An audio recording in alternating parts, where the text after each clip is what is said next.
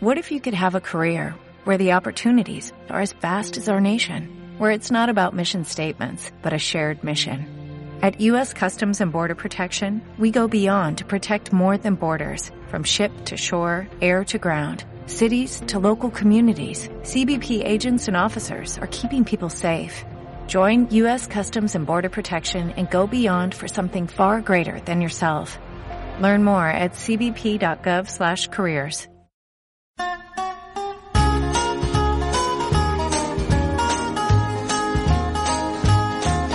You've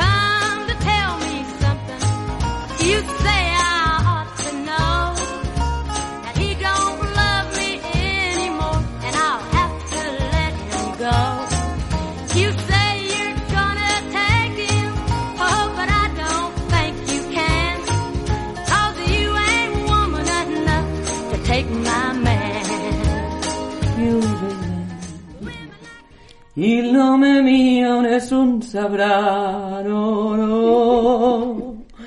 No, no m'atreveixo a fer el vibrat al final, no hi arribo. És impossible. Ai, volíem amagar el nostre convidat fins d'aquí uns minuts, però ha rigut. Ha rigut. Aquesta era l'òpera preferida del meu avi. Ah, sí? tros. Sí, bueno, clar, el de tothom. El Nessun dorma.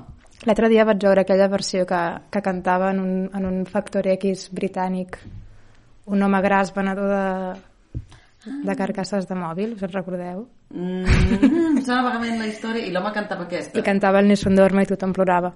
Mm. Sí, era bastant èpic. Fa plorar molt aquesta cançó. Què? Ho dius tu o ho dic jo? No sé, què vols dir tu? Bueno, de fet, sortirà a la, a la descripció de l'episodi, per tant no serà una sorpresa per ningú, però... Ja. Volem demanar disculpes a tots els autors de Catalunya, tota la resta d'homes Que no són escriviu. Raül Garrigasait. Exacte, tots els qui no sou ell ho lamentem, no sabem si hi haurà espai per vosaltres en aquest podcast. Potser s'escriviu molts assajos i novel·les. Sí, i ens agraden, no? Clar. Bueno, Raül Garrigasait, benvingut a les golfes. Hola. Hola! Encara no li hem donat prou vi, clarament, però no passa res. Ja. Ja.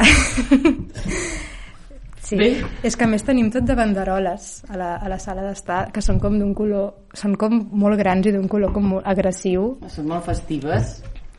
Les vaig posar pel meu aniversari i és molt graciós perquè jo pensava que tothom que, que entrés aquí ho comentaria, però tothom entra i ningú diu No, res. però de fet ho comentaves tu. Mira, he posat aquestes banderoles el dia de la seva festa. I jo, molt bé, Anna, has preparat alguna cosa per la teva festa. Els 32 anys estan ben aprofitats. Bueno, celebrem moltes coses amb aquestes banderoles, celebrem el nostre convidat, celebrem el llibre de la Júlia, que ha sortit el, aquesta setmana, bueno, Sí. la setmana passada pels oients, Ha sortit. un dietari sentimental. L'Anna em presentarà. Em presentarà la llibreria Finestres. Espero que hi aneu i que, i que estigui plena i que sigui com una mena de dia de l'apocalipsi, una mica semblant al dia de l'apocalipsi del Raül, que li agrada molt l'apocalipsi, també. Sí, eh, 24 de març a fer la llibreria Finestra. A partir d'ara serà un no parar de fer-nos promoció. Ja serà espantós. I vendo pel Corsa, no? El Justo Molinero, aquell que ho incorporava tot, ho podrem fer així. Pues sí, esperem que hi vingueu no i desbordeu. a xuparnos les polles todavía. No, encara no. Esperem una Eh, mica més. Doncs bé, el Raül, Raül Garrigasait, escriptor, pensador, amb l'Anna comentàvem una miqueta, crec que no, no sé si et consideres a tu mateix un pensador o un escriptor, però hi ha molta filosofia a la teva obra, no? M'interessa la filosofia, però no, no, no diria que sóc filòsof en cap cas, però sí que jugar amb idees i amb pensaments i forgar una mica, això sí que m'interessa. De fet, quan vas a Alemanya, no? en, el, en el teu país barroc, dius que hi anaves com per estudiar literatura, però que tu, tancat en tu mateix, et va acabar interessant més la filosofia alemanya. No? Com... Sí, Heidegger. Sí, va passar que vaig anar a, al sud d'Alemanya, a Freiburg, Freiburg de Brisgòvia, que és la universitat on havia ensenyat Heidegger, i havia deixebles seus encara que feien classes. I és on va ser amant de Hannah Arendt, no? Sí, llavors um, hi havia tot aquell ambient que et portava una mica a interessar-te pel món de la filosofia. I ja que era allà, doncs vaig aprofitar per anar a classes de filosofia. No havia, hi anava per fer literatura grega, això que dius, eh? grec i llatí, però, però sí, sí, em vaig tornar doncs, havent llegit bastant Heidegger, bastanta obsessió, amb una obsessió d'aquelles que, que tens als 20 anys eh? i que després te n'has d'anar alliberant d'alguna manera. Però déu nhi eh? Perquè llegies Heidegger en alemany, entenc. Sí, clar, vaig anar... Sí, sí. És la millor manera de llegir Heidegger, sí, diuen, per és que, de, no, és que de fet passa una cosa amb Heidegger que um, en alemany és més fàcil d'entendre que traduït. Clar. Perquè, perquè l'original està ple de jocs etimològics i de jocs de paraules Clar. que en una traducció a una llengua romànica desapareixen. Clar, clar, clar, clar. I llavors veus, entens les connexions del Sí. text, que de vegades són trampes etimològiques directament, eh? vull dir que no, no, no, no és que sigui una cosa més profunda i més veritable, però sí que passa això. Sí, això ja ens ho deien a nosaltres a Humanitats quan ens I vam que- fer un tastet, no? Allò que A Humanitats mi em semblava tot. absolutament incomprensible. I ens van avisar d'això. Ens van dir que algunes de les paraules eren, no?, com el, bueno, el, el design, tot això, Sí. sí. clar, això allà és una mica més habitual, no?, que aquest està aquí, aquest... clar, sí, de fet, Dasein és una paraula alemanya habitual. Així alhora mentre Vol dir fan el dinar, Sí, sí, sí. això pot sortir. Sí.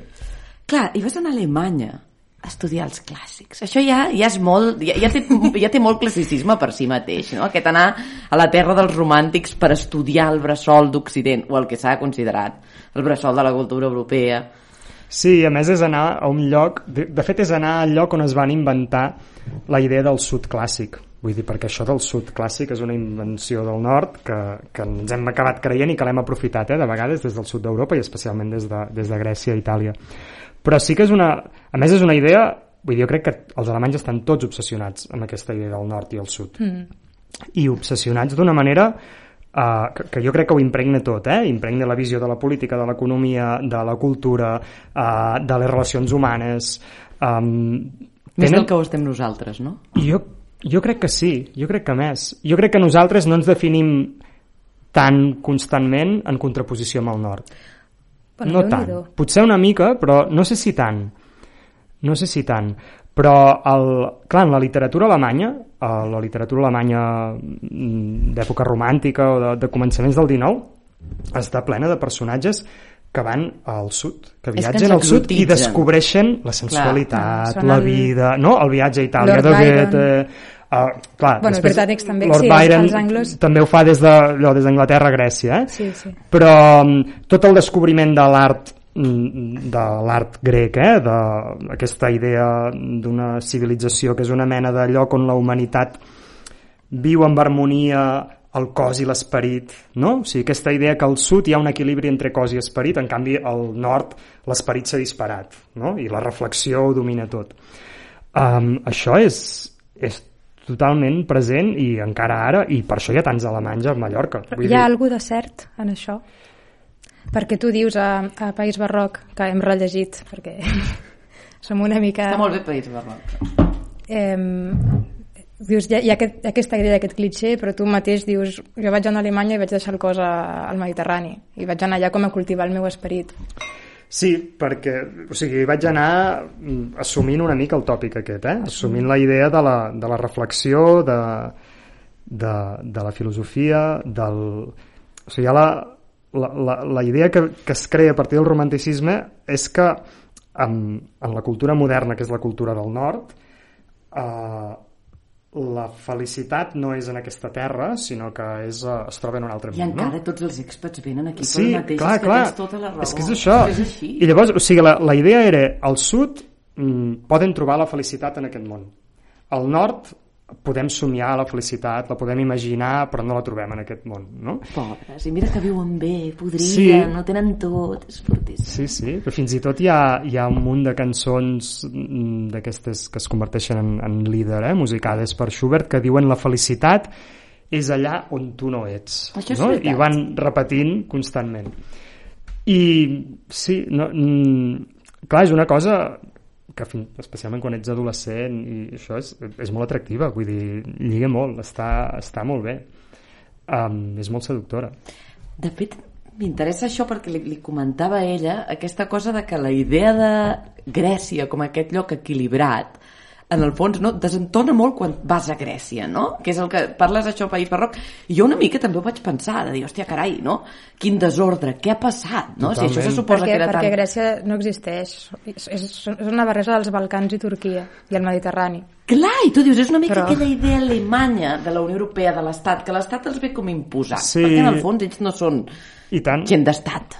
És que els, els grecs Uh, clar, els, el, i els ha passat una cosa que no els ha passat a cap altre poble, que és que ells es van, es van independitzar i van assumir com a identitat el que deien els europeus d'ells, no? O sigui, Clar. allò que, aquella imatge de la Grècia clàssica Clar. equilibrada van dir, això som nosaltres. Total. És que I van, desentona. I van començar a, a, fins i tot a construir un, uns edificis que estaven inspirats en el classicisme alemany, no? Vull dir, era allò, la idea que els alemanys s'havien fet el classicisme grec. clar. El primer rei era un senyor bavarès, el, el, el rei Otto, um, i, i clar, vivien d'una banda entre l'herència de segles de, de turcocratia, de- d'estar sota el domini turc, Uh, després, l'herència enorme de l'Església Ortodoxa, que és, que és una cosa que és diferent de la Grècia clàssica, vull dir, ja és una altra tradició. I la idea del nord d'Europa de la Grècia ideal, i després l'intent de construir un estat modern que no lligava gens amb les estructures tradicionals i de fet la, la, la, el conflicte típic que hi ha el, especialment als països del sud entre família i estat no? que Sí. es veu al sud d'Itàlia És més molt, el clan no? i la- i la l'ordre. cosa aquesta Sí. a, a Grècia és, Sí. és extrem és Sí, a Grècia hi ha pobles sencers on, on ningú paga impostos perquè què li hem de pagar nosaltres a l'Estat? O sigui, Bé, clar, això també si l'Estat t'ofereix poc, també és que és un peix que es mossega la cua. No, clar, clar. això el desacredita molt. Sí, i, és, i quan, uh, quan hi va haver la crisi, per exemple, una cosa que s'explicava és que a Grècia no, no hi havia cadastre, no, no hi havia un cadastre organitzat, llavors era molt difícil comprar un terreny. Tot, tot era mm. relacions de confiança, Totalment. tradicions, costums, no? I per tant, si tu eres un senyor estranger que deies jo vull invertir a Grècia i preguntaves de qui és aquest tros de terra, doncs era difícil saber-ho. Oh, que bé que ens aniria ara això això sí, aquí, eh? això, això em fa enveja, la veritat. Oh, aniria de seda. tu parles, parles grec modern, Sí, el tinc rovellat, però, però l'he estudiat i... rovella, molt rovellat, Mm. també. I hi ha una pregunta que et volia fer al final, però te la faré ara, així, tirant-me a la piscina. eh, ara parlarem de Profecia, que és la novel·la que acabes de publicar, i hi ha un moment a Profecia en què dos personatges estudiants universitaris tenen una discussió eh, respecte com enfrontant la, la cultura grega o la tradició grega amb l'hebrea i amb, amb la judeocristiana o jueva directament, no sé eh, tu ets més grec o més hebreu? a quin déu veneres? Doncs mira, és una pregunta que si, jo crec que si me l'haguessis fet fa 10 anys t'hauria dit que sóc més grec, sense cap mena de dubte. I ara no... Potser et diria que sóc més semític o Ah, que tiro sí, més eh? cap allà. Potser, Què però... ha passat? Què ha passat, Raül? La Què descendència. ha passat? Pot ser. La família, sí, clar. La... Pot ser, eh? Pot ser que sigui això. Sí. Uh, també la Bíblia l'he anat llegint més els últims anys i, i a mi, a mi em va passar una cosa uh, quan vaig llegir, o sigui, vaig passar mol, molts anys dedicant-me a la literatura grega, uh, aprenent grec, llegint Plató i llegint Sòfocles i tot això, i després, al cap d'uns anys, vaig agafar el, els evangelis, que estan escrits en grec, i els vaig llegir en grec, no? Després de llegir la literatura grega. I he de dir que va ser un, un impacte enorme de... perquè em semblava un, o sigui, era un text grec, un text, per tant, que llegia dins la tradició grega, però era un altre món totalment. I, i vaig tenir una sensació de, de, de, de, no sé, de veure que allò era un text absolutament extraordinari, una cosa diferent, que venia d'un altre lloc. Um, és, és difícil d'explicar, eh? però... en la- L'Orient Mitjà, no? Sí, l'Orient Mitjà, la tradició jueva, naturalment, vull dir, al capdavall els evangelis venen de gent que eren jueus, que, es van, que van fun- fundar una altra branca, eh? van tirar per una altra banda, però venien d'allà. Però, però hi ha una manera hi ha una manera d'explicar les històries i d'explicar els drames humans a la Bíblia que, que és molt diferent, trobo, de la que hi ha a Grècia, a, a, la, a la literatura grega. Mm, A la, o sigui, a la, a la Bíblia et poden explicar un drama profundíssim i angoixant amb quatre Amb frases paraula, sí. o amb una paraula Sí, o amb un sí, sí. silenci sense necessitat de fer cap gran descripció no? de- d'abocar-te un, un, Els sentiments un humans déu, no són tan un, importants, no, és això, els personatges de la Ilíada quan tenen un problema et fan un discurs de 80 versos no? i t'ho expliquen tot Com faríem nosaltres, com ha passat, realment, no? ve, A la vida. En canvi, a la, a la Bíblia um, no, no, o sigui, el, el llenguatge és, és el mínim, el, el mínim necessari. I d'aquí ve el Talmud i les milions d'interpretacions rabíniques, no? Exacte. Perquè cada frase, a més, amb, com és, com és l'hebreu com a llenguatge, que, que, que cada paraula mateixa es presta a interpretacions múltiples, Mhm. depèn de la, de la, bueno, per, per com està construïda la paraula. Sí. Clar, jo- A més, és, va lligat a del pes del llenguatge que deies, no? En aquest cas parles Sí. de d'Heràclit, de dir, en, en temps en què algunes paraules era, era difícil escriure gaire, cada paraula tenia un pes més important, no? I suposo que en certa manera també si, si és més concís és com que té més valor, en certa manera, o que conté més coses. Sí, uh, t'has de has de, has de fer una mena de salt imaginatiu de vegades, no? O sigui, quan Abraham rep l'ordre de sacrificar el seu fill, Mm. no hi ha cap paraula sobre els sentiments d'Abraham. O sigui, no es diu res. Clar. Es diu, l'endemà es va llevar de bon matí. O sigui, tu mata el teu fill, l'endemà Abraham es va llevar de bon I matí. no hi ha cap nota al peu de per què Déu va fer això. No, no, no, no exacte, no, No, no. no. hi ha res. O sigui, és un Sí. text que t'obliga a reflexionar i a pensar i, i sí, i això d'aquesta manera jo crec que a Grècia, no, a Grècia hi ha altres coses que són potentíssimes eh? però a, això, aquesta manera de fer jo crec que no hi és Són de la mateixa època, realment, més o menys? Perquè més o menys, sí. La Ilíada està inspirada, no? Abans ho comentàvem, com, perquè Grècia també són moltes, està inspirada, se suposa, entre, en el- coses que van passar o mites datats més o menys segle XI-XII abans de Crist. La Bíblia suposo que també, és a dir, aquest Antic Testament, perquè clar, això sembla molt lligat a la, al monoteisme. Això de que les coses siguin tan concises i tan clares, no? Com molt Pot ser, més... però, però també passa que la Bíblia eh, això del monoteisme és una cosa que ara, o sigui, ara nosaltres veiem la Bíblia com un text monoteista però, però la Bíblia està plena de moments en què es fa referència a altres déus uh, per exemple, o el llibre de Job al començament del llibre de Job Déu es reuneix amb els seus fills no? tenen una mena d'assemblea de déus igual que la Ilíada i, i d'altra banda també a la Bíblia hi ha diferents maneres de referir-se a Déu i diferents imatges de Déu de fet, no, només al començament de la Ilíada el, ai, de la Ilíada, de la Bíblia, del Gènesi, o sigui, la, les dues històries de la creació que hi ha, la primera de la creació en sis dies i el dia de descans i la segona que és la del paradís, uh, els noms de Déu són diferents. Un és Elohim, l'altre és el, el que nosaltres en diem Javé, o sigui, el, les, Ah. el tetragràmaton.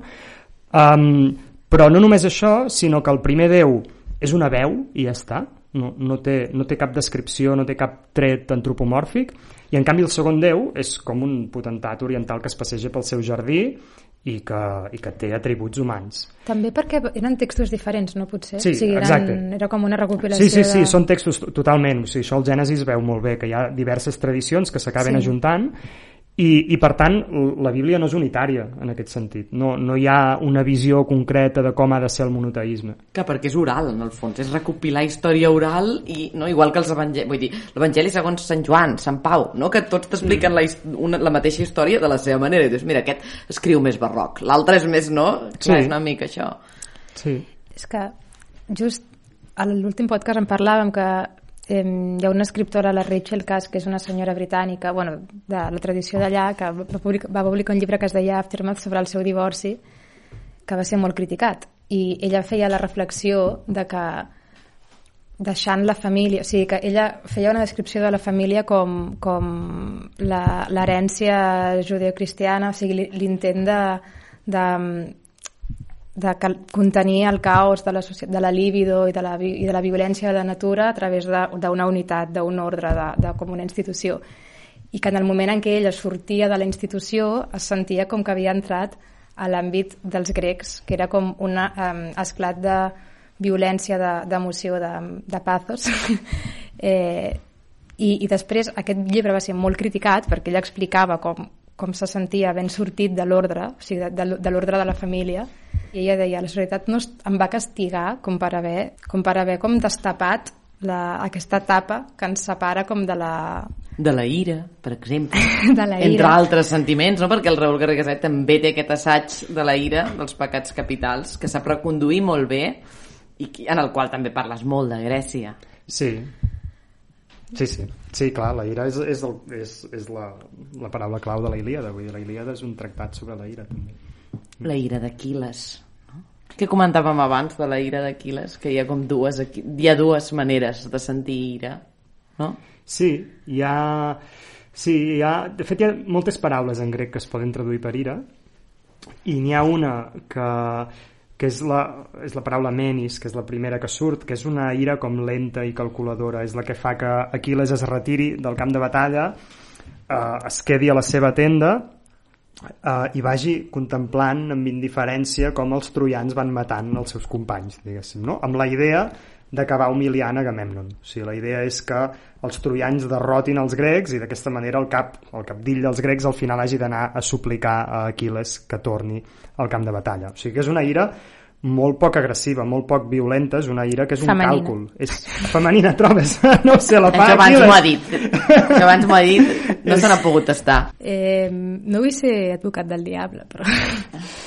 bueno, una mica aquest, seria una mica aquest el clitxer, no? O sigui, si tu mires al pati de l'escola i mires les maneres en què les nenes es, es fan bullying mútuament i en què els nens es fan bullying, els nens es foten hòsties i crits i les nenes es, saps? fan com una estratègia elaborada per marginar l'altre, fan... Tot i que a mi això, clar, és que això em costa entendre com a ira.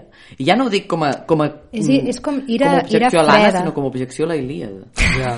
Homer. Homer, I do disagree with de, that. Hi ha una, de fet, és que això és curiós perquè la, la tradició és traduir-ho per ira o per còlera, però hi ha traduccions a, a alemanyes, per exemple, que ara fan servir una paraula que vindria a ser rancor.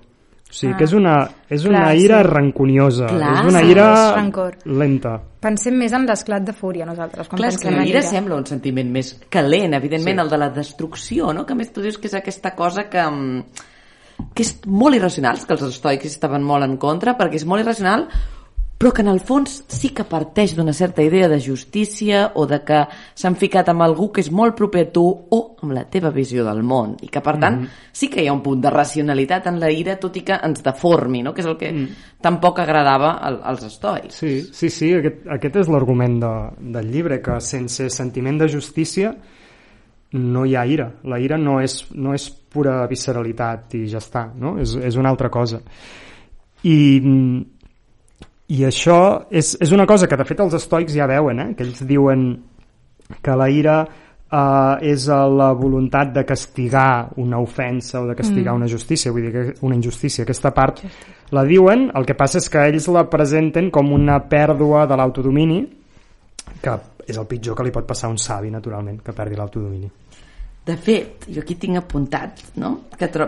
a la ira dius que Sèneca troba més fàcil eh, suprimir les passions eh, pernicioses que no pas governar-les, no?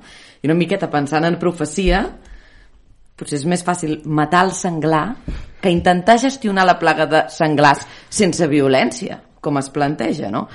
Jo crec que la teva tesi és que no s'ha de fer ni una cosa ni l'altra, no? És a dir, no s'ha ni d'intentar suprimir les passions pernicioses ni tampoc intentar governar-les perquè és inútil.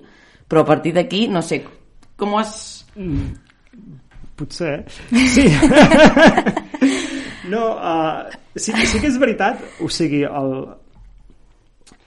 jo veig amb molt poca simpatia la idea aquesta del savi imperturbable i de la vida sense deixar-te arrossegar per cap passió uh, no, vaja trobo que, trobo que és una cosa que pot acabar, pot acabar fent més mal que bé sovint i en relació, clar, clar ara em treus la cosa dels senglars um, passa una cosa en la, en la cultura contemporània que és aquest pànic que tenim a la visió de la violència no? que és una cosa que és una cosa molt nova, o sigui, molt sorprenent històricament, si pensem eh, no, només fa 40 anys um, Havíem de matar- matàvem el porc a és casa molt Havíem de occidental. matar el nostre menjar. Sí? No. Vull dir... Sí, és sí. molt occidental, I és molt eh, occidental, també. exacte, sí, sí, molt occidental i molt europeu, fins i tot, Sí, diria, eh? ens fa molta Sí, pudor sí, sí, sí. veure coses i a vegades Exacte. veus que en, en notícies I- no sé quin lloc això s'exhibeix tranquil·lament. Sí. I és una, és una inhibició molt curiosa perquè perquè al capdavall no, vull dir, tenim granges i tenim, vull dir, sabem que es fan aquestes coses i tots els ajuntaments tenen mecanismes de control de plagues més o menys discrets per no provocar indignació social, no?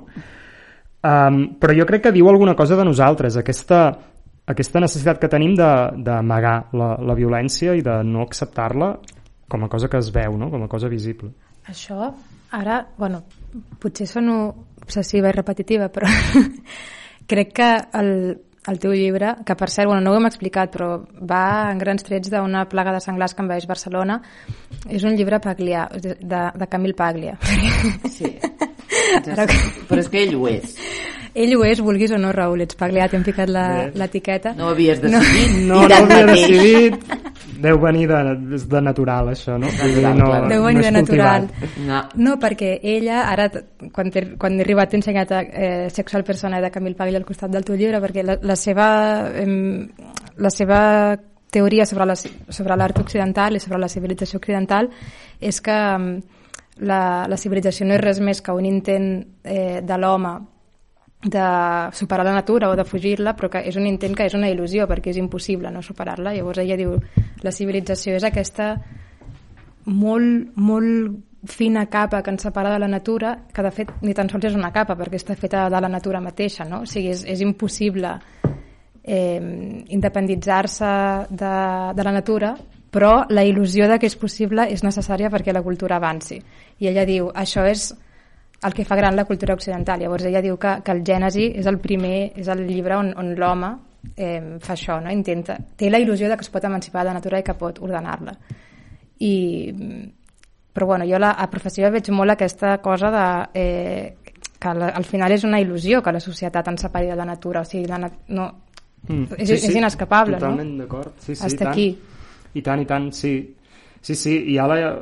Sí, vull dir, justament això és una idea bàsica de profecia. La, la cosa de, de ser natura i, i la il·lusió d'imaginar-nos que som éssers racionals, lliures, eh, responsables, no? Totes aquestes Mhm. coses que són necessàries per parlar amb, amb els altres, simplement. Vull dir, hem d'assumir que els altres són Exacte. lliures i racionals perquè si no no hi podem parlar, sí, no? Sí, sí. però, però que tot això és, és, és això, és una cosa finíssima que s'aguanta pels pèls no? i que en qualsevol moment es pot trencar. Clar, és que això, tot això està molt bé, però realment és el que dius. Podem estar, trobar que és molt hipòcrita intentar racionalitzar la natura, en aquest cas aquesta plaga de, sen, de senglars, o en el cas dels estoics, eh, contenir la ira. Però clar, què s'ha de fer si no? O sigui, hi ha, hi ha com una mena de pulsió molt antipolítica en, en, en la teva... O sigui, molt poc intervencionista. Però clar, això en la literatura està Veus? molt bé, en un altre sen- sentit, no? I també pensava abans en, en, en això del cadastre grec, que també té a veure amb això, Sí. no? Allà no hi ha cadastre, i una miqueta penso en el teu avi, no? Al final de la seva vida País Barroc, que l'home té la il·lusió de construir una caseta d'eines, no? Que és l'última cosa que ja pot fer amb les seves mans, Sí. i venen emprenyadors al poder, no? I li diuen que això ara no es pot fer perquè és la normativa, no? Clar. Sí, sí, sí, sí. Uh, és la... Sí, o sigui... Ets és, un és- llibertari? És, perdó? Ets llibertari. No, no ho sé, no ho sé. Jo diria més aviat a narcocarlí o alguna cosa així. Potser. Tothom, això, això és el que es diu d'ell, jo crec que això és, és No, es però- batega, la seva obra. Però és una... Sí, o sigui, jo, jo crec que al final és una cosa una mica... Bueno, pot ser saludable, segons com, de... O sigui, tots tenim un benestar, un benestar que és inexplicable sense l'Estat i, i l'Estat modern, la modernització, l'individualisme, mm, o sigui, totes aquestes coses les tenim totalment integrades en la nostra vida i sense l'individualisme jo no estaria fent el que faig perquè estaria fent la feina dels meus avis o dels meus rebesavis, no? L'individualisme té a veure amb l'Estat. Vull dir que I, les, exacte, les dues idees són L'estat modernes. crea i... l'individualisme, sí, sí, Sí. totalment. Vull dir que, que, que tot això ja forma part de les nostres vides. Però, però aquesta resistència com íntima, visceral, a la- al- a l'increment de la normativització no? de la vida, vull dir, això que deies del meu avi que es comença a construir una casa d'eines i li ve el funcionari de l'Ajuntament i li diu, escolti, això aquí no es pot construir I, bueno, això és casa meva, i no, no, és que aquí no es pot construir perquè casa seva es pot construir fins aquí aquests 3 metres encara que siguin seus no hi pot construir una caseta d'eines no? Mm. doncs um, conservar la capacitat d'indignar-se eh, encara que la normativa sigui molt clara i que tingui raó el senyor funcionari, tot el que vulguis, però aquesta capacitat és que si algun dia la perdem del tot anem cap al No, ho desastre. vam veure en el Covid, no? Sí, exacte. Sí, que sí, sí. hi havia com una mena de, de tendència general a, a, a obeir coses que després es va demostrar, que ja semblaven delirants, però és que després es va demostrar que eren delirants. Sí, perquè més, clar, ens passa una cosa, que és que la, la legitimació de les normes és científica. Clar. No t'hi pots posar, per Clar, tant, no és la tirania això no, això no política. existia. Vull dir, això, a l'època dels grecs, quan es van inventar la política, no, aquest, aquest tipus de legitimació no existia Ni. Maquiavel, no. tampoc, no. I en canvi ara, clar, aquesta legitimació, o sigui, tots, tots mm, ens hem pres a, algun anestèsic de vegades i hem vist l'efecte que fa i, i per tant, ostres, sabem que la ciència té un poder impressionant que val més, diguéssim, tenir-lo al teu costat i que és una cosa que pot Sí. ser molt útil. I, per tant, les justificacions científiques, eh, clar, és, és molt difícil portar-los la contrària. Clar, però això, això jo bueno, he imaginat que perquè hi ha, hi ha una, una mica de mm, caricatura de, caricatura d'això, d'aquesta tendència de les autoritats a apel·lar a arguments científics, mèdics, fins i tot i realment durant el Covid, o sigui, jo absolutament a favor de la ciència, o sigui, jo vaig plorar d'emoció quan em van posar l'epidural, és l'experiència més... Bueno, però t'hi dic, mira, això, això m'està portant molt a l'epitural de l'Anna, que és com si me l'haguessin posat a mi. L'epidural, o sigui, és el tinc. me, de veritat, eh? O sigui, el, el meu últim moment d'èxtasi religiós va ser amb l'epidural, però jo veia metges a les tertúlies de, de les ràdios d'aquest país durant el Covid eh, recomanant doncs, normatives i tal, i era absolutament sinistre. Feia molta por, perquè clar, tu no pots posar una gent obsessionada amb els germans en què no hi hagi virus a, a legislar. I a més, al final, la gent va fer una miqueta el que va voler. No, no va fer el que va voler, no, no, però vull dir, passat el primer batec, no, després la vida sobrepàs i la gent acaba passant de tot, que això és bo i és dolent, eh? Però vull dir... Bueno, hi va haver una cinquantena de dies, els primers 50 dies del confinament, que, que jo vaig tenir un, la sensació que hi havia un control social molt, molt fort. O sigui, que tu, potser, clar, depèn de la situació de cadascú, eh? Però... També dels uns cap als altres. Sí, sí, dels veïns, Aquest vull dir, eh? problema, dels això és veïns, allò- la cosa de, ostres, aquest ha sortit i, i m'està posant en perill si surt a passejar, saps? Coses d'aquestes que ara hi penses, i dius, però com pot ser que arribéssim a tenir aquests pensaments, no?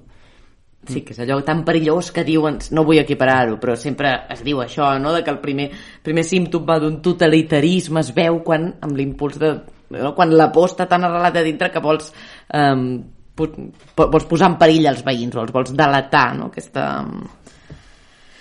Jo hi ha una altra cosa que a País Barroc m'interessa molt aquest llibre, hi havia moltes frases que, no? Vull dir, crec que té un punt aforístic gairebé, però mm, crec que tu, el País Barroc és Solsona, la teva Solsona natal, i m'interessen molt les teves tesis sobre la, algunes de les coses que expliques de la cultura catalana i tal, o la connexió que veus, o com aquesta connexió entre alguns eh, escriptors o artistes, no? I a mi la primera impressió és com que Barcelona, per exemple, no és una ciutat gens barroca, no? I això xoca molt amb el que tu dius, i m'interessa molt el que dius, però dic, hòstia, mai hagués dit que Catalunya era barroca. Vull dir, ho hagués pensat abans de la idea, per exemple, castellana dels reis catòlics, no ho dic en un sentit pejoratiu, ho dic en un sentit Sí, sí. de, no, de, hòstia, doncs aquesta tendència a l'exhibició, al, al, al, a l'alegria visual, no? Bueno, no sé com dir-ho. No, No, no hagués dit mai de Catalunya. Llavors m'interessaria que m'ho expliquessis això. I quin batec veus de fons? Aquest Sí. fil que connecta artistes tan diferents com Carné mateix o Tàpies o... També Ja. has parlat molt de Gaudí, tens un article meravellós a la lectora, que és una conferència. Bé, endavant, no sé. Sí, s'hi barregen moltes coses aquí, perquè el... Clar, el barroc és com l'època maleïda de la cultura catalana, i perquè és la, és la decadència, o sigui, tradicionalment era l'època de decadència. I en canvi és la daurada de la, de, de, de la De la, literatura de la castellana, per exacte, exemple, sí, no? sí. Només per això ja m'interessava el barroc català, no? O sigui, què passa en una època que, que tradicionalment aquí l'hem considerat eh, doncs secundària o decadent. I a més passa una cosa molt curiosa, els autors, els poetes barrocs catalans, eh, el rector de Vallfogona, per exemple, Vicent Aquest home Garcia, està- que està revivint molt, ara. està ara. revivint, no? Però tu mires el segle XIX i és l'autor català més reeditat del segle XIX. O sigui, cada 5 anys hi ha una edició nova del rector de Vallfogona. I quan es consolida la Renaixença i després el modernisme, es talla en sec, això. O sigui, deixen d'interessar-se per aquest món, queda amagat i comencen a fer coses noves. I um, Aleshores, passa una altra cosa també, que és en aquell moment que es comença a imaginar que el moment important de la cultura catalana és l'edat mitjana, no? i és el moment en què es redescobreix el romànic, és el moment en què es posen les bases del MNAC, no? o sigui, la visió que veiem de És l'art... un petit renaixement entre Sí. català, no? I llavors miren sí, a, al mi- principi. miren, miren el moment fundacional, no? el moment més, més auroral, més pur, tot això, i, i naturalment la literatura medieval catalana és espectacular i és més important que la del barroc, eh? i això no ho qüestiono, però, però sí que hi ha aquesta cosa de, de saltar-se tots uns segles no? de la cultura catalana, i aquests segles tenen una cosa molt especial, eh, perquè l'art barroc és l'últim estil artístic viu. Uh, o sigui, és l'últim estil artístic que continuava sent objecte de culte a les esglésies, per exemple. No? El romànic, fora de l'estructura arquitectònica, els murals romànics s'havien oblidat, estaven tapats, uh, era una cosa que es va haver de, de descobrir una altra vegada. En canvi, l'estètica barroca, que és una estètica que a nosaltres ens, sovint ens costa una mica ara, eh? Ens sembla com, kitsch. Ens sembla kitsch. És l'estètica al capdavall del pessebre, del mercat de Santa Llúcia. O sigui, aquelles estatuetes segueixen... Hi ha una línia directa entre el barroc i aquelles estatuetes. Doncs té tota aquesta cosa eh, així una mica, una mica lletja, una mica kitsch, però era la tradició viva, d'alguna manera. Era la tradició viva i és una tradició viva que ha desaparegut en part perquè l'any 36 quan hi va esclatar la revolució a Catalunya, l'art que es va cremar va ser l'art barroc, perquè eren retaules de fusta. Per tant, és un art que va desaparèixer pràcticament a tot Catalunya, amb l'excepció de Catalunya Nord, perquè allà no hi va haver revolució el 36 i per tant allà es conserva l'art Ah. barroc, i algunes zones, eh, diguéssim, molt poc anarquistes, com el Solsonès, on es van, aturar, es van aturar els intents de cremar... Van dir, aquí no vindrà ningú de la FAI a cremar res Exacte. perquè és més Sí. important Déu que ningú, no? I, I després passa una altra cosa, que aquest art barroc que hi ha aquí, clar, era un art que no tenia una monarquia important a la vora, perquè la monarquia ja era a- Madrid i, per tant, Allunyada, per tant. lluny, clar. o sigui que no és un barroc fet amb grans materials, amb, amb marbre, amb alabastre, eh, amb aquesta cosa allò grandiosa, sinó que és un barroc que en general està fet amb la fusta dels boscos que hi ha al voltant de les esglésies, eh, pintada o recoberta de pa d'or perquè sembli rica, o sigui és transformar la fusta en or que és, és una cosa així com alquímica molt, molt bonica. Um, i després hi ha una altra cosa que s'hi afegeix encara que l'explica d'una manera molt bonica el Pere Jaume ell diu que l'avantguarda catalana pensa sobretot en, en Jujol, en Joan Miró és una avantguarda que ve d'aquesta tradició barroca que és la tradició, diguéssim, popular, la tradició baixa, la tradició de convertir les coses vulgars o la fusta dels boscos del costat en una cosa daurada, en una cosa miraculosa gairebé. I a més ells eren així, és a dir, alguna referència Sí. que hi ha de Miró o, Sí. o de Brossa mateix, Sí, gent que exacte. allò, eren sobris, ens menjaven un ou Sí. ferrat i que no els empipessin gaire, no? Que dius, collons, tu, que, quin tedi, tu. Podem beure xampany, no? Però no, aquella austeritat, molt barroca en, en aquest sentit. Bueno, I no, i, no sé, passen totes aquestes coses amb, amb el barroc. També és una època, és una època a la, jo crec a la qual devem moltes coses de l'imaginari català. És l'època de la Guerra dels Segadors. Ah, eh, clar. és l'època um, sí, on, on, uh, on vaja, bona, bona part dels símbols actuals que tenim venen del barroc, tant Mm. a la Guerra dels Segadors com la Guerra de Successió. Vull dir que és, una, és, és aquesta relació una mica esquizofrènica entre les parts que ens agraden de la nostra història i les parts que no ens agraden, però de vegades les que no ens agraden són les que ens han marcat més i les que tenen més importància. bé, que és necessària una decadència perquè després hi hagi un renaixement, no? Això es veu en el renaixement italià, per exemple, sense anar més... Vull dir, si no hi ha aquella idea del que hi ha abans és més decadent, no pots Sí. tornar a res. I, I després encara, naturalment, entrant més ja a la cosa de l'estètica barroca, el barroc té una cosa que a mi m'agrada molt, que és la lògica paradoxal, la cosa de, de posar la llum i l'ombra juntes, i no, no només Els contrast... cucs i l'or, no? Sí, els cucs i l'or, la, la idea que la, la vida és una mena de mort, però que la mort serà una mena de vida. Uh, o sigui, la idea no només de posar de costat coses contrastades, sinó d'explicar que la llum és una mena d'ombra, segons com, i que l'ombra és una mena de llum.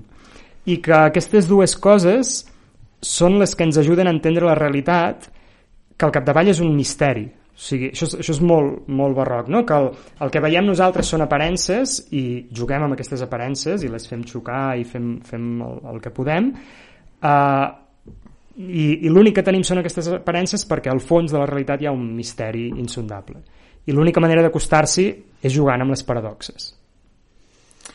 També hi ha Això, un misteri. això té vibes de la- de l'Antic Testament, eh? Clar, Sí, curiosament clar. sí, també, i romàntiques, perquè és una, conti... hi ha una continuïtat. Clar, clar, és que el barroc, el llenguatge religiós pel barroc és, és important, clar. I potser ets més hebreu que grec perquè deixa més espai pel misteri? O sigui, potser el grec, el grec al cap i a la fi és, més, està més, és un univers més ordenat o que ofereix respostes més clares. Sí, podria ser. Sí, hi ha, hi ha la... Sí, mm, o sigui, m'agrada la idea de la dificultat de representar, Sí. no? Que això és, és molt bíblic, sobretot de l'Antic Testament. I... Sí, sí, sí. Bé, no és fàcil representar. No és fàcil, No no? és fàcil representar. Però jo trobo que aquesta idea del misteri també hi és a profecia, en el sentit de que en això és una mica com Medusa, no? A Collserol allà. Hi ha alguna cosa allà, com que està als llims, que es revela. Que, a veure, la lectura fàcil és, és la natura, és la força de la natura que no hem Nature is escoltat. healing. Allò del confinament. Clar, que, Sí. clar, és que va ser maco això realment. És a dir, la imatge de que vinguessin els porcs senglars, a mi em va, a mi em va fer molta il·lusió. Vaig pensar, que guapo. Quina il·lusió sí. que, que vinguin. De veritat que vaig pensar Sí, sí. això. Dic, hòstia, sí. Però clar, en el llibre sembla que vagi més enllà, perquè després una cosa que surt a la ira, també en el teu llibre de la ira i tal, no? que és com aquest apocalipsi en algun moment del llibre, però dius, per què? O sigui, és la natura que es revela perquè sí, però, però és, és misteriós, no acaba de quedar clar mm. per què està enfadada la natura o Déu. No hi ha un Déu, no, almenys en el llibre, no queda clar, no? Sí, sí de, deies apocalipsi, el, a, a, apocalipsi vol dir revelació, també. Vull dir que una cosa bonica d'aquests moments que semblen, diríem, apocalíptics és que són moments que revela alguna cosa, que hi ha alguna cosa que la teníem més o menys amagada i que, i que es posa de manifest. I la novel·la juga amb això, juga amb, amb aquesta animalitat que baixa de la muntanya, que sembla que ve de fora, però que al final ja no és tan clar que vingui de fora, no? que, que acaba dins, per dir-ho d'alguna manera, i acaba sent acceptada fins a un cert punt. Clar, mi m'ha fet pensar una mica en The Last of Us, que és una sèrie que està a HBO ara, no sé si l'has No l'he vist. vist, no? Bueno, he vist uns quants capítols, no sencera, però va de, també és una, és una distopia en un futur una mica més llunyà i va de, eh, el, va de fongs eh, que aprenen a, a evitar els cossos humans, perquè ja existeixen uns fongs que entren dins de les formigues i les parasiten i les obliguen a actuar com ells volen per, perquè el fong sobrevisqui, no? però llavors en, en, en aquesta pel·li han aconseguit evitar humans. Llavors els humans es tornen zombis amb una mena de cap de coliflor i mm, al fons hi ha la idea aquesta, en, el, en realitat els fongs són la base de la vida. Nosaltres humans només podem existir al món gràcies a les condicions que els fongs han creat per nosaltres i, i aquesta com rebel·lió dels focs no és, no és ben bé que sigui una rebel·lió sinó que és simplement recordar quin és el nostre lloc a la piràmide de l'existència que, no? Que ells hi eren abans i seran Exacte. després. I sempre hi han manera. estat, sí, Per sí. tant, i no sé, crec, jo crec que hi ha alguna cosa així en general eh, passant ara mateix com una reflexió sobre la decadència, perquè és, és una novel·la també molt sobre la decadència de la ciutat, no? O sigui, de, de Barcelona en concret, però de la ciutat en general, diria jo, de la vida urbana, potser d'Occident, de la vida occidental. És Andreu Garom un personatge ulbequià o no? Ho està...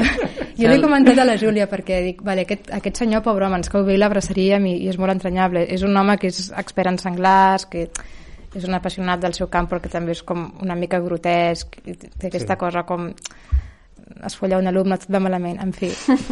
Eh, sí. Pobre! És com una... És com, però jo el, el veia com una versió una mica més amable d'un personatge de Hulbeck, en el sentit de que és aquest mascle beta derrotat eh, que està portant la... O sigui, que és un, és un estudiós, però està com... Ell no... Ell, la seva persona i la seva vida i la seva forma de viure representen... Vull dir, no, no, no, té, no té cap Està vitalitat. desarrelat, a més. No, vull dir, s'ha quedat sense família. No, sí que hi és... Sí, uh, uh, jo, per mi és més am... o sigui, és això que deies, més amable eh? És amable, Els és amable, personatges sí, del, sí, del perquè I no és tan autoconscient, no, per exemple, exacte, no és tan Comú són autoconscient ells. per l'Andreu Garom jo crec que hi ha coses que tenen sentit no? o sigui, el seu... Sí, clar, Sí, els de Ulbec no creuen res. Exacte, és això, no és un nihilista l'Andreu Garó. No és un nihilista, no. És un personatge que, que li agrada li, li agrada el seu camp d'estudi, el, Mm. el fascina, no? I, I estima la filla, i li agraden la les filla, dones, És la, tant. té, sí, té tota aquesta cosa que encara és vital i és Um, vull dir, uh, li han passat determinades coses, té l'edat que té, no? I, i aleshores es troba en situacions grotesques sovint, però, però jo el veig, uh, o sigui, el, el, el veig més... Sí, no, Aviam, no si potser he estat cruel. No, no, no té la cosa aquesta nihilista i destructiva que tenen els personatges de Colbeck, però penso més en el retrat d'una societat una mica decadent i, i ell com a personatge no és un personatge com victoriós i, i, i, i vital Sí. i viril, saps? És és més veritat. aviat al contrari. Sí, això és veritat. Sí, sí, sí, això hi és i el, el, per mi per això sí, he de pensar en, en les marques de la decadència, les veig més en altres moments, no? en, el, en el llenguatge polític, en el llenguatge Sí, dels clar, clar, sí, mitjans, això és, no? això és molt evident, sí, sí. i sobretot la, vull dir, estic d'acord que hi ha un cert retrat de la decadència que podem dir, si volem, que és de Barcelona o que és d'Occident, eh? el, el, podem agafar l'escala que vulguem I la parlaria de la Segona Guerra Mundial aquí. és igual, perdó. Tinc una meva fetitxe. Ho he d'oblidar. doncs um, que, que per mi és una, de, és una decadència mm, molt vinculada justament als ideals de la modernitat, eh? El, a la idea d'emborratxar-se de grans discursos solemnes i d'universalismes mm. i d'allò que dèiem, eh? de som subjectes racionals i lliures i intentar I molt pacífics tot, amb tot, molt pacífics amb tot, intentant entendre-ho tot des d'aquest punt de vista fins que acabes topant de cap contra la paret. La naturalesa La naturalesa o els altres humans, eh? o una guerra, o el que sigui, vull dir. Sí. Però per això dic que ets paglià, perquè ella o sigui, parla més com de la sexualitat, una mica més d'aquest àmbit, no? però eh, ella diu és absurd intentar atribuir els nostres, intentant trobar l'arrel dels comportaments que tenim simplement a a construccions fetes per nosaltres, ve d'abans, socials és previ. Sí, exacte, és previ. Ell, ella diu no dic que ens haguem de, de conformar, vull dir, ens podem revolucionar tant com vulguem, però simplement hem de tenir clar què som, no? O sigui, hem de no fer-nos il·lusions, o Sí. fer-nos-les, però, però ser un, una mica tocant de peus a terra. Per mi sí, eh, en relació amb la natura i després també en, en relació amb, amb els vincles humans més, més propers, diguéssim, i mm. més petits també, no? que aquesta és l'altra cosa també, o sigui que intentem posar-nos per sobre la natura dient que som lliures i racionals i intentem també posar-nos per sobre de la comunitat més mínima, de les coses més pròximes, eh, parlant com si fóssim éssers humans, diguéssim, Parlant de comunisme Sense sense, pensar, saber gestionar la família, per, per exemple, o... Sí, Clar, sí. perquè això, això a mi em va despertar moltes ambigüitats, com tanques País Barroc, com aquest comença la guerra, no? Aquest... I hi ha un punt que també... Clar, Ai, sí, això estava d'acord amb tu, però em deprimia una mica, perquè jo sempre estic una mica mig camí, vull dir, coincideixo molt amb aquest anarcocarlisme.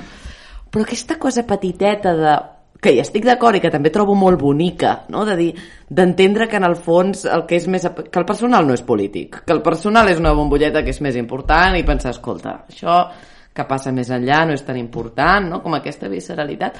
Però clar, també em dona un, trobo un punt depriment, perquè trobo que també aquesta, la capacitat de delirar una mica amb les utopies. Sí, sí. Clar, és molt temptador, no m'estranya que al segle XX això passés i que la gent es fes eh, comunista i feixista i anarquista, no m'estranya, saps? Vull dir, ho entenc. I tant, i tant, i tant, sí. Sí, sí, és, és, és molt... És molt seductor, però jo crec que ha arribat un punt... O sigui, va arribar un punt en què... Uh, mira, ara, per exemple, hi ha un personatge del, del pare mort del Donald Barthelme que diu uh, em preocupo pel bé general i, per tant, em preocupo per tu. No? O sigui, que és un... Mm, no? fa por, O això. sigui, quan algú diu això fa por. I tant, fa sí. por perquè dius... No, no, no, I això no, és la no, política. No, no, no tens les jerarquies Això clares. O sigui, Sí. no... Uh, no, perquè llavors, què vol dir em preocupo pel bé general i em preocupo per, tu? Vol dir que mm, Et si passa qualsevol cosa a una altra persona a l'altra punta del món, te'n preocuparàs igual que per mi? Uh, M'abandonaràs en aquell moment? Perquè potser Malament, si hi ha dues clar. persones que estan patint a l'altra punta del món, uh, jo no sóc tan important com dues persones, no? Potser. No, vull dir que um, hi, ha, hi ha aquesta cosa de... de uh, o sigui, hi ha un moment en què les utopies trenquen mm, o, o obren un espai, no? Un espai que pot acabar conduint a malsons, eh? però obren un espai. Però ha arribat un moment que els, uh, o sigui, que els nens a les escoles aprenen a recitar els objectius de desenvolupament sostenible.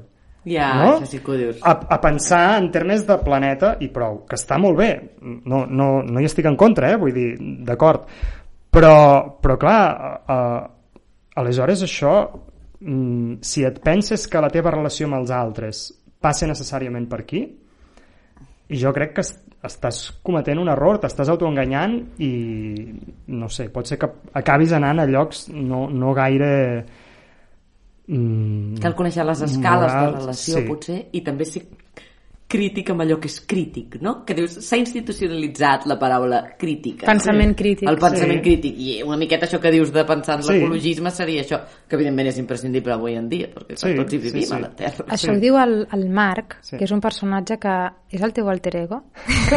Sí, let, let, let, let. Mira com riu, les. Ostres, no ho sé, home, és bastant més jove que jo, Bueno, té més, bueno. és més gros, té un aspecte com dos, és seductor, és diferent, és una mica diferent. És una mica com... És una mica diferent, però és veritat que té Però idees, ha estudiat té l'alemany. idees que m'agraden. És un os, que interessant. Sí. És un os, és un os. Parla de... Eh, és Habermas? Sí, no l'esmenta. No l'esmenta, però és ell, no? Sí, Vale. hi ha una referència a Habermas. Bueno, però vull dir, un home amb simpaties germàniques que parla dels grecs, vull dir... Sí, sí, sí. Això hi és. Potser és l'únic personatge que no és una mica sòrdid d'alguna manera, no?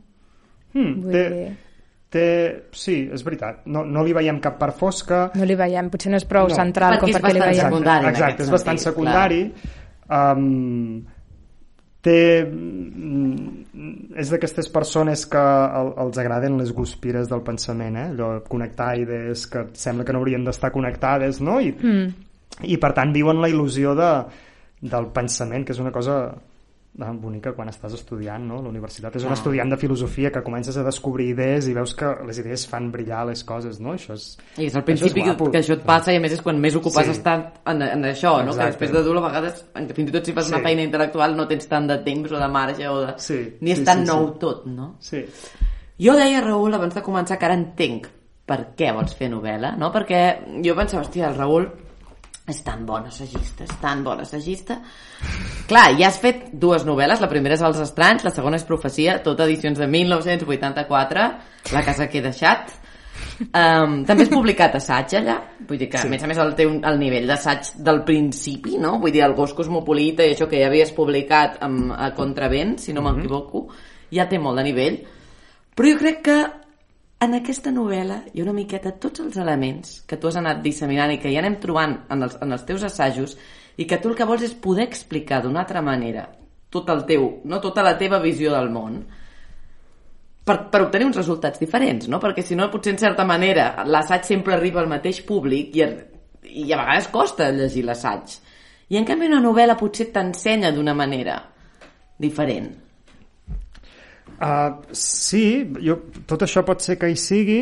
Uh, hi ha, és veritat que hi ha molts fils dels assajos. Jo crec que tots els assajos d'alguna manera van a parar a profecia. Vull dir, la ira sí. hi és, Sí. Sí. País sí. Barroc hi és, uh, els altres potser no tant, però el Gos Cosmopolita hi és també. Vull dir que sí, tots, tots hi van a parar. Um, En un assaig no pots escriure una escena de follar amb un senglar mort al Exacte, costat. no pots fer aquestes coses i potser o sigui, la, la imaginació és una cosa que cada vegada m'interessa més Mm. la, la imaginació en, no només literària, eh? en, en la vida mateixa. O sigui, el fet de, de relacionar-te amb la gent amb imaginació, de, de pensar què hi ha darrere de la gent, de vegades, no? De no... Imaginar-ho, perquè no ho pots saber Ima Imaginar-ho perquè no ho pots saber, però d'estar obert a altres possibilitats. Que si no, la vida és molt avorrida i molt previsible, no? I la imaginació és, és un... Per mi és una eina de coneixement al capdavall, també, d'un coneixement que potser és un, no és un coneixement d'una cosa que estigui tancada i feta, eh? però, però és una eina de coneixement. I és un tipus de coneixement que amb l'assaig um, no, no, no hi arribes de la mateixa manera o no, o no hi arribes gens potser, eh? que, que només el, el pots, el pots eh, practicar amb la novel·la.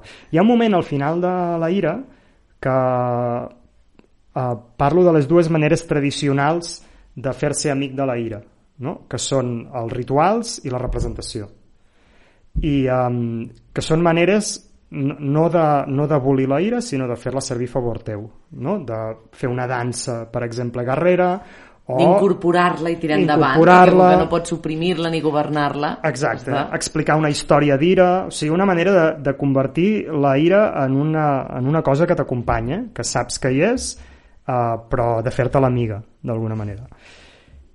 I la imaginació em permet fer això, la imaginació literària, la ficció, uh, no només amb la ira, eh, amb, amb, altres, mm. amb altres coses.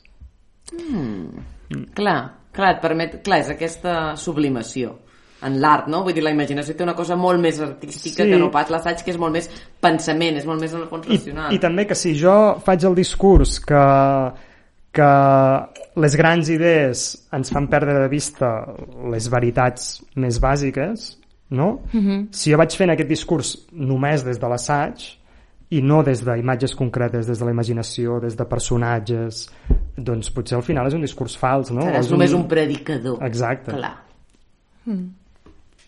Però ara que tornàvem a la ira, eh, ara que ja hem establert que ets el Hulbeck català... no, és broma. Pobre. és broma, és broma. No, no l'ets, no l'ets, no l'ets. No l'ets. Pobre. A Hulbeck, ja li agradaria Hulbeck. Ja li en, agrada- anunci... No, no, no, No, no, parlo... A, mi, a veure, no. No, No. no ets Hulbeck.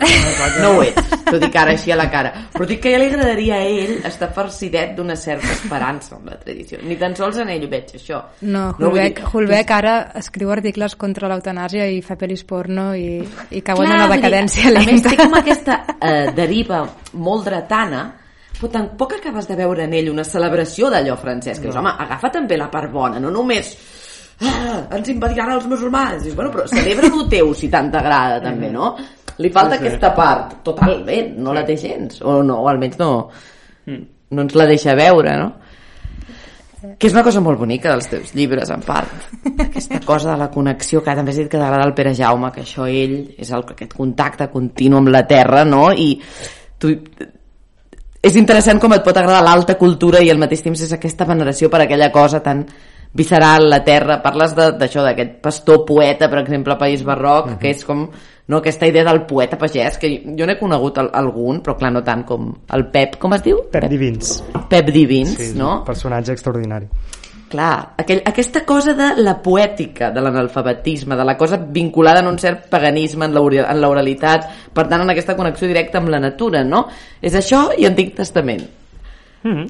Està molt connectat, però en el fons, des de fora, no sembla gaire connectat, no? Alta cultura versus analfabetisme. Sí, però no ho sé, potser ens ha de servir una mica per això, no? També, la- l'alta cultura. Uh, vull dir, Clar, clar, jo, tant. jo he acabat, tant. o sigui, jo vinc d'una família que no són gent de llibres, no, sóc la, la primera persona que s'hi ha dedicat, uh, i he acabat dedicant-me al grec i al llatí i a l'hebreu, vull dir, les coses més, com més estranyes, no?, i més exagerades, però, però ostres, si no et serveix per obrir els ulls a, a les coses que veus cada dia, no? Sí, de, de què et serveix tot això? No, sí, sí. L'Engugui Bationgo, bueno, parèntesi molt breu, té una reflexió sobre això que i m'hi vas fer pensar que és eh, com, o sigui, com quan aprenien en llengua colonial a les escoles africanes, en el fons els alentien l'aprenentatge. Perquè ells a casa seva sentien parlar del pollastre en la seva llengua, en kikuyu, i llavors anaven a l'escola i els hi parlaven. No només és que els hi parlessin en anglès, és que els hi parlaven dels reis britànics, i clar, en aquell cas era molt flagrant, perquè no té res a veure, no? I vaig pensar en això, en la desconnexió sí, sí, sí. Entre, aquesta entre l'experiència viscuda i el què i la formació. Que clar, no hi pot haver aquest abisme. Ja està, no dic res més. No diguis res. No diré res més, ja està. És que és molt interessant el Raül. Sí, sí, l'hem d'exprimir molt. Quins nervis. Eh, no, el que deia abans, que ara, lo del Hulebec, que no ets Hulebec, ja ho hem establert això, però que dèiem, tor- tornant a parlar de la ira, nosaltres tenim una tradició al podcast que és que sempre mencionem l'extrema dreta francesa. Si no ho fem, ens falta l'aire. ens falta l'aire. Una tradició al podcast. no, però com es deia? És que no me'n recordo ni com es deia. Eric Zemmour. Zemmour, ah, sí, jo això. sempre el tinc present, en canvi, Anna. Sempre el tinc present. Per, només pel seu amor als àrabs, sempre el tinc present. És veritat, no, és un, és un home que està obsessionat amb, que, amb la virilitat perduda d'Occident, etc. Llavors, d'una banda és xenòfob i, i odia els àrabs i diu que ens estan envaint, però alhora Els tu llegeixes i el, els admira. O sigui, Sí. hi ha una admiració gairebé eròtica d'aquests homes que encara no han perdut la virilitat i que encara saben, saps, imposar-se i mantenir les seves estructures i tal. I és molt curiós això. Però bueno, eh, llegint la ira, rellegint la ira ara, pensava la ira és com una, o, o la capacitat de- d'enfadar-se de, i de- i d'expressar de, aquesta, aquesta sensació és una, és una emoció que, que s'ha com domesticat al, al llarg del... O sigui, és un abans de la civilització, no? haver-la com domesticat i, i, i haver fet que sigui socialment no acceptable doncs, tenir un esclat d'ira. I, en, però en canvi, aquesta primera ira d'Aquiles, que és aquesta ira freda i com... Eh, Això està acceptat a la civilització, això està, no? té una pàtina d'acceptabilitat. És que a més l'autoajuda ho diu, això. És que, de fet, abans he fet aquesta reflexió, perquè a mi també és una altra obsessió que tinc, no? I, en el fons, que tu, no? això de, de no poder ni suprimir ni governar, tu quan, quan llegeixes una miqueta d'autoajuda, el que et diuen és això. La tristesa, no? Per exemple, està bé acceptar les teves emocions. Si estàs trist o estàs enfadat, no diguis no puc estar trist, no puc estar enfadat. Accepta-ho. No intent... Has de passar pel dol. has de passar pel dol. Has de... I és absurd, i ja sé que és No, no, no, no. l'última de les teves idees, perquè això et cau molt lluny i no t'interessa gens. Però dic, hòstia, quina meravella harmònica. No. Perquè, clar, en el fons l'autoajuda també intenta ajudar la gent com sí, pot. però bueno, no, no, és una davall és una el- idea molt bàsica i molt antiga, i, però és potser no només és acceptar, sinó que és fins i tot mm, treballar-ho, no? I jugar-hi, i fer-ne coses, no? Que al, al capdavall també vivim uh, un, una altra cosa que surt algun moment uh, bé, a professió no gaire, no? en algun altre llibre um, és la té a veure amb l'individualisme que deia abans eh? que avui tendim a, a considerar que la cosa més valuosa és el nostre jo i les nostres, els nostres problemes íntims i totes aquestes coses i al capdavall la, no, jo crec que no cal pensar-hi gaire per arribar a la conclusió que la cosa, les coses valuoses són aquelles que van més enllà de nosaltres, de cadascú de nosaltres. No? Que, que les coses valuoses són aquelles que no només són valuoses perquè formen part de mi, sinó que són valuoses per alguna altra raó. Sí, això surt a País Barroc, Sí. no? Sí, exacte, País Barroc hi surt. I, um, o sigui, que tota aquesta... Vull dir que... Parles de la insolència del nom, que això em va agradar moltíssim. bueno, Finíssim. Vull dir, podem parlar de, de sentiments emocions i analitzar-nos molt i d'acord, està bé, fem-ho, és divertit, no, cap problema. Però, però hi ha un, per mi hi ha una cosa que, que, ostres, que, que sempre, i sobretot parlant amb gent més jove, eh, em passa que la idea que no hi ha res que sigui valuós en si mateix, fora del de, Sí. el jo. sí, És jo molt crec que tu trist, tens, és molt trist. tens massa classe com per criticar-ho, però crec que estàs criticant les identity politics i, i la... Ni, ni, ni, ni, sé, que, sé que no ho faràs, perquè És arribada l'hora en què nosaltres som les... ho farem nosaltres per tu. perquè podem. No, però... però relat... Un cert relativisme, clar. Bueno, la cosa aquesta postmoderna de... mm, Sí, de... mm, Res té un significat per si mateix, tot és... No? Excepte com jo em sento. Sí. De fet, no? Sí, Llavors- no, no, i- cosa, sí, el subjectivisme extrem. Sí, i no, i no, no està disposat a acceptar que hi hagin coses uh, que, que són valuoses en si mateixes, simplement. O sigui, més enllà de tu, més enllà de com et sentis... Com més Déu, la pàtria, la ràbia- família. Déu, pàtria i furs. Ha arribat el Carlí de Solsona. Ha arribat l'estrany. No, però no, no, ho dic, no ho dic, no cal pensar en coses col·lectives, eh? O sigui, és el fet de fer coses bé, simplement. O sigui, hi ha una, hi ha una idea de, de fer les coses bé, que pot ser uh, doncs, fer la nostra feina o, o jo què sé, o cuinar o mm, tractar bé un amic o fer qualsevol cosa d'aquestes és una cosa que va més enllà de nosaltres i que l'hem d'entendre així, crec jo i si no l'entenem així No um, tenim per què fer-ho. no tenim Llavors per què fer-ho. Llavors no val la pena viure. Sí, i és... Uh, no, no ho sé, per mi és la, la cosa... O sigui, per mi l'educació consistiria uh, en això, uh, a transmetre el, el plaer de fer coses que vagin més enllà d'un mateix. La repetició, Totalment. això també té a veure amb... Això ho deia meva àvia molt. Ah, sí? Bueno, això. Sí? Sí, la seva idea de pensant, un, pensant en un mateix t'enfonses i has d'intentar com pensar cap en fora. Era el seu Tu mantra. també parles molt de... Pel que fa a la repetició i la transcendència, no sé si és ben per mateix, però tu parles molt del ritual, també, a País de Rock. Sí. Del ritual, clar, hi surt la música també, la idea de repetició en la música és molt important. Aquesta repetició que no és mai el mateix, però que et fa entrar en una mena de ritme que no ets tu, eh? I que, que, Que d'alguna manera t'hi deixes anar. Jo et volia dir una cosa. Em... A mi la novel·la m'ha agradat, però m'agradaria molt un assaig teu de 600 pàgines sobre profecies bíbliques. o sigui, Encàrrec no remunerat de 600 pàgines. Go! una cosa com... Sí, un, un deep dive. Ja. O sigui, què hi ha en les profecies que et, que et va cridar? Ostres, no ho sé. Ha, primer de tot hi ha un llenguatge molt potent. Hi ha un llenguatge que em torna boig. Vull dir que, que llegeixo les profecies de la Bíblia i, i em, em fan tremolar. Vull dir, trobo que, que, és, que és, molt, és molt fort.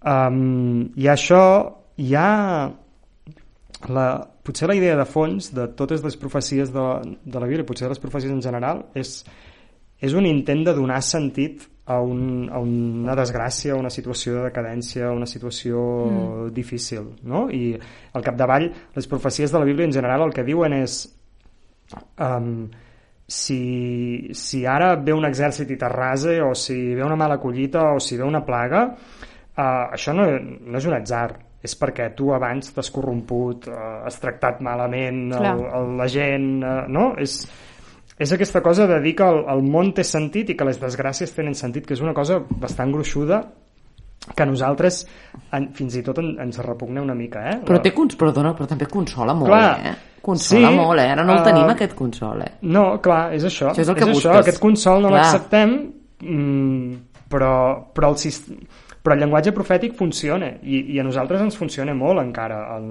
vull dir, el discurs sobre el canvi climàtic encara que tingui una base científica fa Sí, servir, fa servir sí. llenguatge profètic no? i fa servir el mateix tipus de raonament de, uh, si tu fas servir massa plàstic avui mm, doncs mm, El ja saps de què demà, passarà eh? el sí. dia de demà tot anirà malament um, és, és, un, és un llenguatge molt, molt potent que, que ens posa en relació amb el futur I amb el passat. i amb el passat i mm, sí, no, no sé Clar, també té com molts ecos avui, no? Si, o sigui, si et poses a mirar veus profecies a tot arreu. exacte, Com...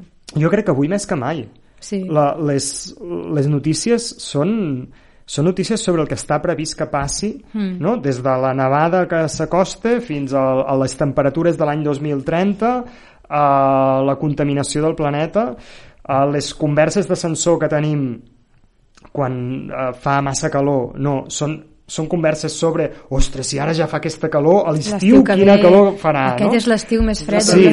sí. O sigui, hem arribat un moment que pensem uh, pensem el present a través del futur imaginat. Del futur Però imaginat... això sempre ho hem fet. Quan érem religiosos ho fèiem i ara ho fem amb sí, això. Ara, ho- però clar, ara ho fem en un futur que, que clar, és el futur d'aquest món i és un futur molt proper, també. No? Sí, clar. Vull dir que un, una cosa és pensar en el futur de l'altre món, que, Bueno, ja, però per la gent que també era podia molt fer molta por, por, podia fer molta por, realment, Eh? És que sí. però, però clar, ara, ostres, és que la ciència té una cosa que és que no la pots mm, és molt més difícil relativitzar la No la ciència pots refutar. saps? A la religió sí, a la religió sí, o sigui, a la religió pots dir no hi crec però amb la ciència no pots dir no hi Ostres, crec Preparant això pensava, clar, és que realment, si aquí tots som pro vacunes, tal, ens hem vacunat, Sí, sí. i la, a més la gent i em feia una mandra, és com, ai, vacuna't i prou, no Però, pesat. però- Era com, però perquè em feia mandra el debat, era com, però, però ara ve el pro. però, of course, but... Requeria una fe cega. És a dir, no hi ha res racional en creure en una vacuna que no sé com funciona, que ningú ha provat mai, que l'han fet en tres Que mesos... l'han fet molt més ràpid, això sí que, que era l'han fet evident, molt ràpid, clar, que és evident que no hi ha però- no ha passat prou temps com per saber quins seran els efectes secundaris i ara s'està veient que hi ha dones amb, amb unes regles horribles, vull dir, que s'està veient ara, però També que, eren horribles però que abans, realment, però bueno. o sigui, jo pensava, simplement amb càlcul de, pensava, bueno, em vacuno i ja està, saps? En plan, Feia és igual, és igual. sobre això. Feia A mandra. feia molta mandra En plan, em vull vacunar per poder viatjar amb la sud, saps? Sí, igual. és com m'he posat No. de tot el cos, ara ve d'aquí. Sí, exacte. realment.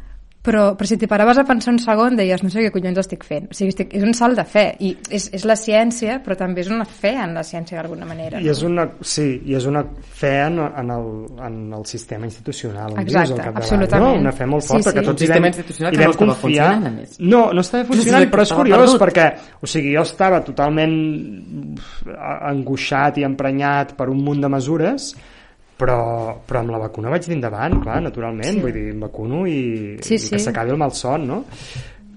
Mm. sí. Jo també, clar, una de les coses que dius dels cristi els cristians estan obsessionats amb la fi del món, clar, com que ja no creiem en res, no, però vas a Algèria i és molt guapo, perquè... O sigui, és molt guapo, en els... a veure, et quedes molt sorprès i és molt fàcil treure'te'ls de sobre o dir-los que sí i tu pensar aquests musulmans, quines dèries. Però clar, allà sí que ho veies diferent, és a dir, d'arribar a conèixer algun xaval jove, fins i tot que, que volia venir cap a Europa, eh, modern, i que parlava mil llengües, no sé què, però que em deia, jo ja sé que tu musulmana no ets, però resa una mica de tant en tant, perquè és que això és veritat. O conèixer una noia que em deia, bueno, que em deia, és que el foc de l'infern, això em va semblar una meravella, em diu, el foc de la terra és aigua, comparat amb el foc de l'infern. Clar, o sigui, aquestes imatges... No, però és que és veritat. és boníssim, eh? Sí, això està passant ara. Hi ha una... Hòstia, Clar, és clar. interessant. Tu estàs allà i tens converses teològiques amb el primer que passa. Que tu pots dir, hòstia, m'estan menjant el cap, que pesats. Però és que la forma que pren és molt interessant, perquè t'intenten convèncer de veritat amb imatges potents. I clar, això ho hem perdut totalment. I llavors dius, hòstia, clar, és que per ells encara és així, perquè és la mateixa tradició. Ja. Vull dir, al final és una Sí. gran tradició. Sí, sí, Que ho i, totes. i tant, i, la, i jo crec que la cosa que hem de pensar els europeus és que no sabem d'aquí 50 anys no sabem si el món serà com nosaltres o com la resta del món en aquest Probablement punt de vista. la resta, bueno, una mica de cada, jo crec. Vull dir que pot ser, sí, sí, hi haurà barreja, hi haurà coses, però que tenim aquesta visió teològica eh, de la història. Que De, nosaltres la raó som la i no, modernitat no, no. i tothom s'anirà racionalitzant i anirà oblidant les seves religions i tot això, no? I, I va ser Vés, que a- no. vés a saber. És I que... potser nosaltres I, necessitem una mica d'això un altre cop. Clar. És que, és clar, és dramàtic, perquè tampoc és que Sí. vulguem.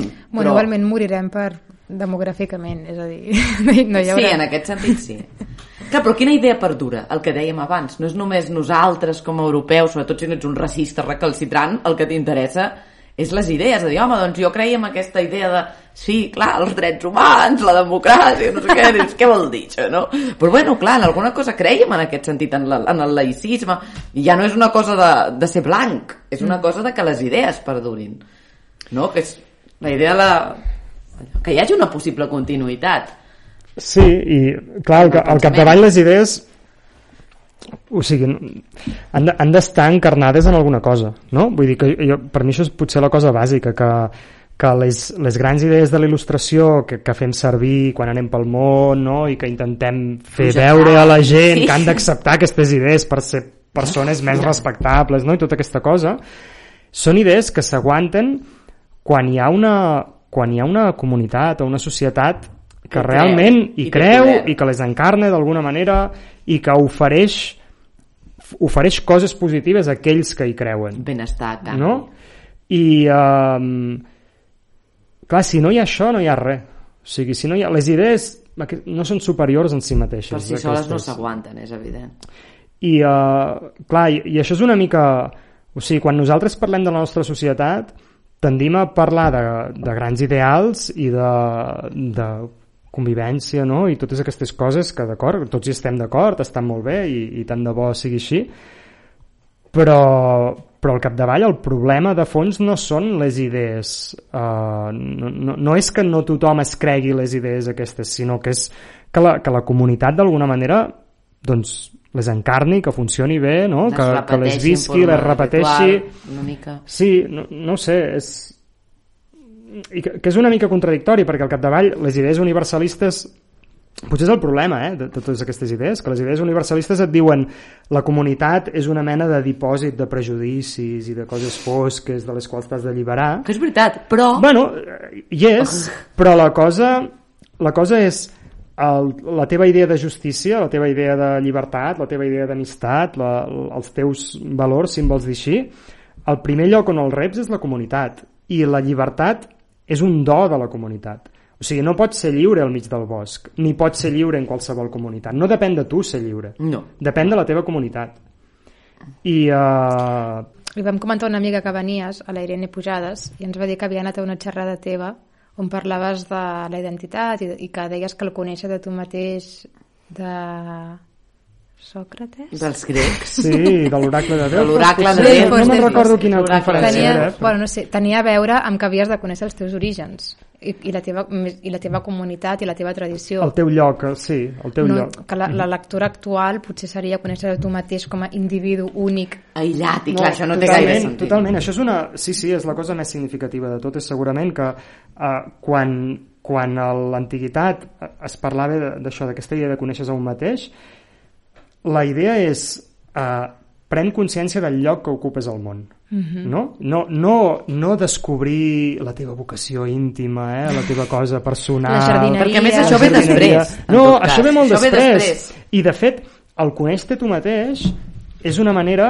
i en Sòcrates, en els textos de Plató que parlen de Sòcrates ho, ho, ho diu clarament, el conèixer tu mateix és una manera de trobar aquelles coses que comparteixes amb tothom. No? Mm. O sigui, d'arribar a, a, a les coses que no són personals, sinó que són eh, doncs, compartides per la gent del voltant.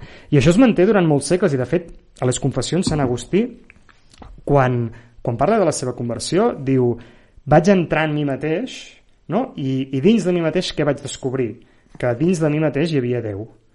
I, i aquest Déu em, em supera per tot arreu, em desborda per tot arreu. I eh, això de... Ostres, és, és una idea que, naturalment, quan comença la modernitat es desmunta, tot i que triga molt, eh? perquè, perquè quan arribem a Descartes, Descartes encara... Això és Kant diu- mirant les estrelles, no? També una sí, mica. també, sí, sí. I, I clar, i encara Descartes diu, diu, quan comença a fer totes aquelles hipòtesis, eh, ostres, si això que veig és tot fals, i si tot és un somni, tot, no? però Déu però al final, clar, diu, bé, jo penso, no?, i en la mesura en què penso puc dir que existeixo, i per tant ha d'existir Déu no? o sigui, fa el salt immediatament I dius, sí. com va aquest salt? És no, no, però, sorprenent per nosaltres. però és interessant perquè després arribem a un punt en què aquest mirar-se a si mateix o conèixer a si mateix és només conèixer una cosa que aparentment et, et distancia i et separa i et diferencia de tota la resta um, i quan passa això és és naturalment quan arriba el capitalisme, quan uh, uh, s'instaura l'estat modern, quan hi ha l'individualisme, i és un món que és el nostre, per tant no, no ho podem rebutjar totalment, però és problemàtic. És problemàtic perquè hi ha una part d'autoengany al capdavall. Perquè és que dins no, no, no hi ha res. Vull dir, No hi ha res perquè ho hem castrat una mica per tots els benestars i els, les coses tècniques de les quals ens hem beneficiat, però que l'hem perdut una miqueta aquesta connexió, no? Mm. I això efectivament ho trobes amb gent que potser ve d'entorns on no hi ha aquesta tecnificació tan brutal o no hi ha hagut aquest benestar tan sem- gran. i em- No? La comunitat que tu descrius a, a País Barroc, que parles de d'anar a missa de petit i veure com la re- religiositat en tant que comunitat, com els veïns parlant els uns amb els altres. Clar, jo això no ho he tingut mai. Clar. No tinc por... O sigui, les, la meva família o sigui, ve de tot arreu i d'enlloc i no, jo no, La costa pertanya i sentir-se arrelada a un Clar. lloc. I és una manera, i, i realment es nota, perquè és com estar flotant, saps? O sigui, es nota aquesta manca d'arrel. Vull Això dir. la gent de poble, veus que sempre parlem malament. Sí. És que això sí No- que ho tenen no parlem i ho tenen malament de la gent de No, però ells es pensen que en parlem malament. No jo, parlem malament. que vaig plorar Vaig- pels tractors. vaig criticar el per la Carràs. diagonal. I això em diuen. Vaig criticar el. Carràs, però, això, però l'ha fet gent de ciutat, aquesta pel·li. Vale? Exacte, O sigui- exacte. La gent de camp de veritat ho entendrà. Exacte. És que passa, hi ha, hi ha una cosa que amb això del, del poble, eh? Um, és molt diferent relacionar-te amb la gent del teu voltant. Si tu tens la sensació que hi comparteixes mm, tot un seguit de, de records mm. i de, de coses bàsiques, no? que no pas relacionar-te amb gent de qui d'entrada no saps res i no saps Clar, si això- res. això també ho dius sobretot si no hi ha necessitat. Sí, És a dir, quan funciona el desarrelament? Quan I- hi ha una necessitat compartida. No, També. Sí, saps? sí, sí. Llavors, I, a, I a més això, clar, és molt diferent. La manera de parlar...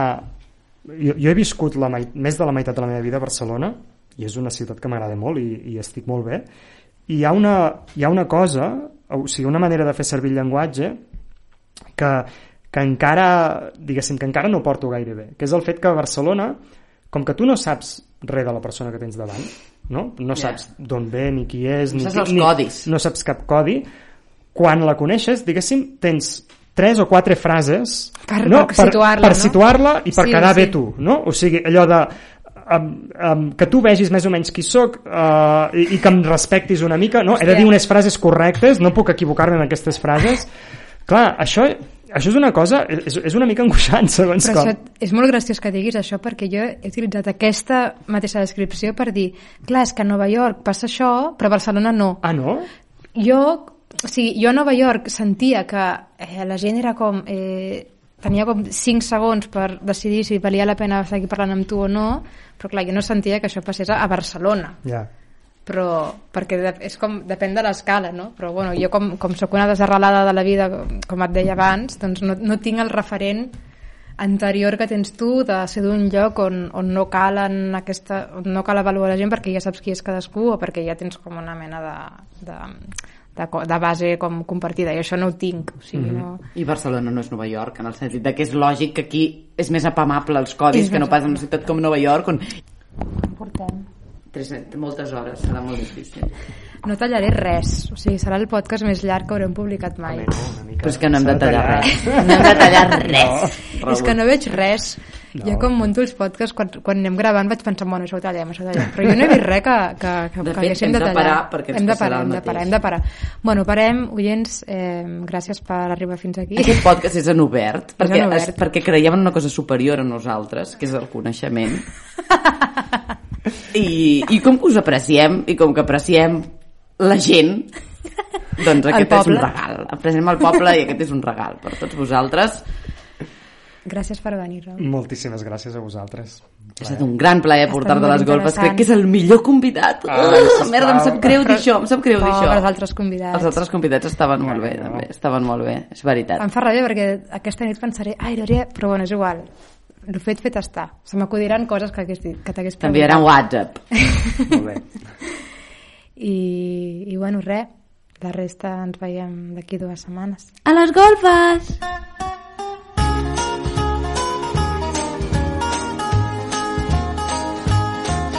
You've come